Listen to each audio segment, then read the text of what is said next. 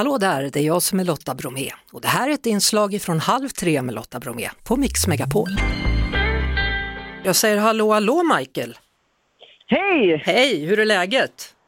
Jo men det är bra, men jag är jättenervös. Vad är du nervös för? Jo men jag ska ju se Håkan! Ja, Och, och, och så är jag väl nervös för hur insläppet ska gå. Alltså jag känner mig kanske inte så här onervös förrän jag faktiskt är framme vid kravallstaketet liksom. nej, du bor ju inte så långt ifrån Ullevi då, eh, Michael Skröder från Mölndal, men du har ändå då tältat i närheten av arenan sedan i Ja. onsdags. Yes, det Varför- stämmer bra. Varför då?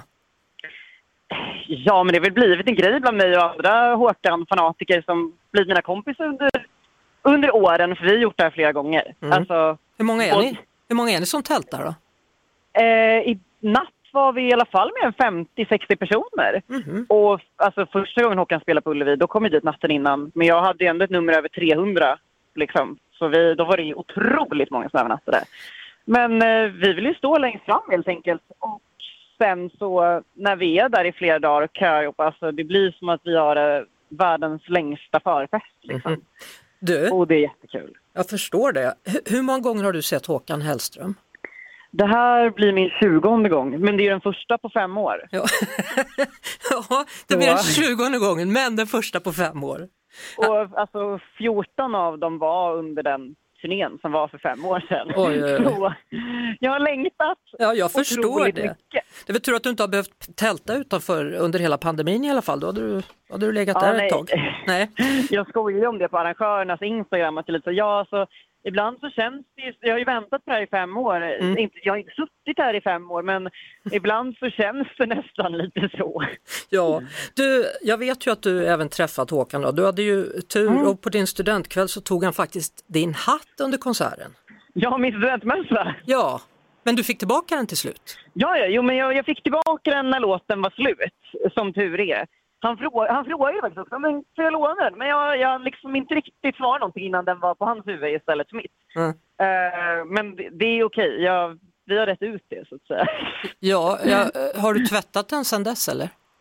Ja, jo men det, det händer ibland. Jag, när den turnén var så bodde jag fortfarande i Nacka kommun, Mm. Stockholm där jag kommer ifrån. Mm. Men sen tre, fyra år så bor jag här i Göteborg, Mölndal. Och eh, där 2019, första året, och egentligen 2020, så hände det att vi sprang på varandra ibland. Mm. Ja, ja. Eh, vilket var jättefint liksom. Men jag- Han kände igen mig som att jag trängt mig där längst fram på konserterna. Ja, jag har förstått att du också har tagit emot pris åt honom när han inte har kunnat komma på en del galor. Ja, ja, och det är väl inte på hans initiativ, men jag tror inte han hade något emot det. Eh, Det var en eh, reporter på Aftonbladet som hörde av sig och frågade om jag ville ta emot priset på honom på Mm. Rockbjörnen 2017. Eh, Hans management säger att han var i Transylvanien och fågelskådade.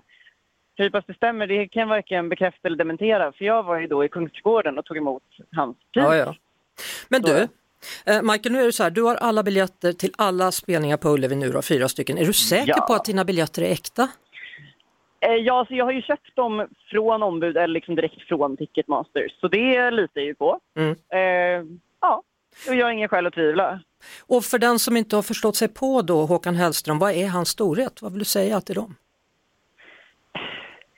Ja, vad ska jag säga? Alltså det känns som att det går liksom inte att liksom lära någon det här. Utan man måste nästan, man måste liksom upptäcka det själv på något sätt. Eh, men jag tycker att han har bra liksom hoppingivande texter som, ja, de betyder väldigt mycket för mig. Jag tycker jag kan spegla mig i dem på något sätt.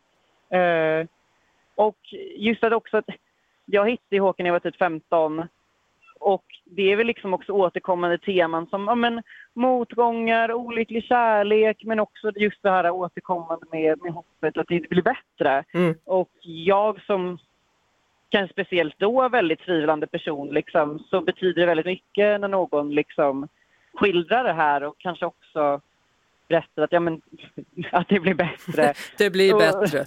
Michael, jag hoppas sen- att du nu får världens bästa plats då när du går in så småningom vid arenan. Tack snälla Lotta! Det var det. Vi hörs såklart igen på Mix Megapol varje eftermiddag vid halv tre. Ett poddtips från Podplay. I podden Något Kaiko garanterar östgötarna Brutti och jag, Davva, dig en stor dos skratt. Där följer jag pladask för köttätandet igen. Man är lite som en jävla vampyr. Man har fått lite blodsmak och då måste man ha mer.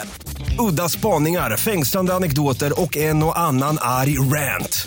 Jag måste ha mitt kaffe på morgonen för annars är jag ingen trevlig människa. Då är du ingen trevlig människa, punkt. Något Kaiko, hör du på Podplay. Därför är gardinerna.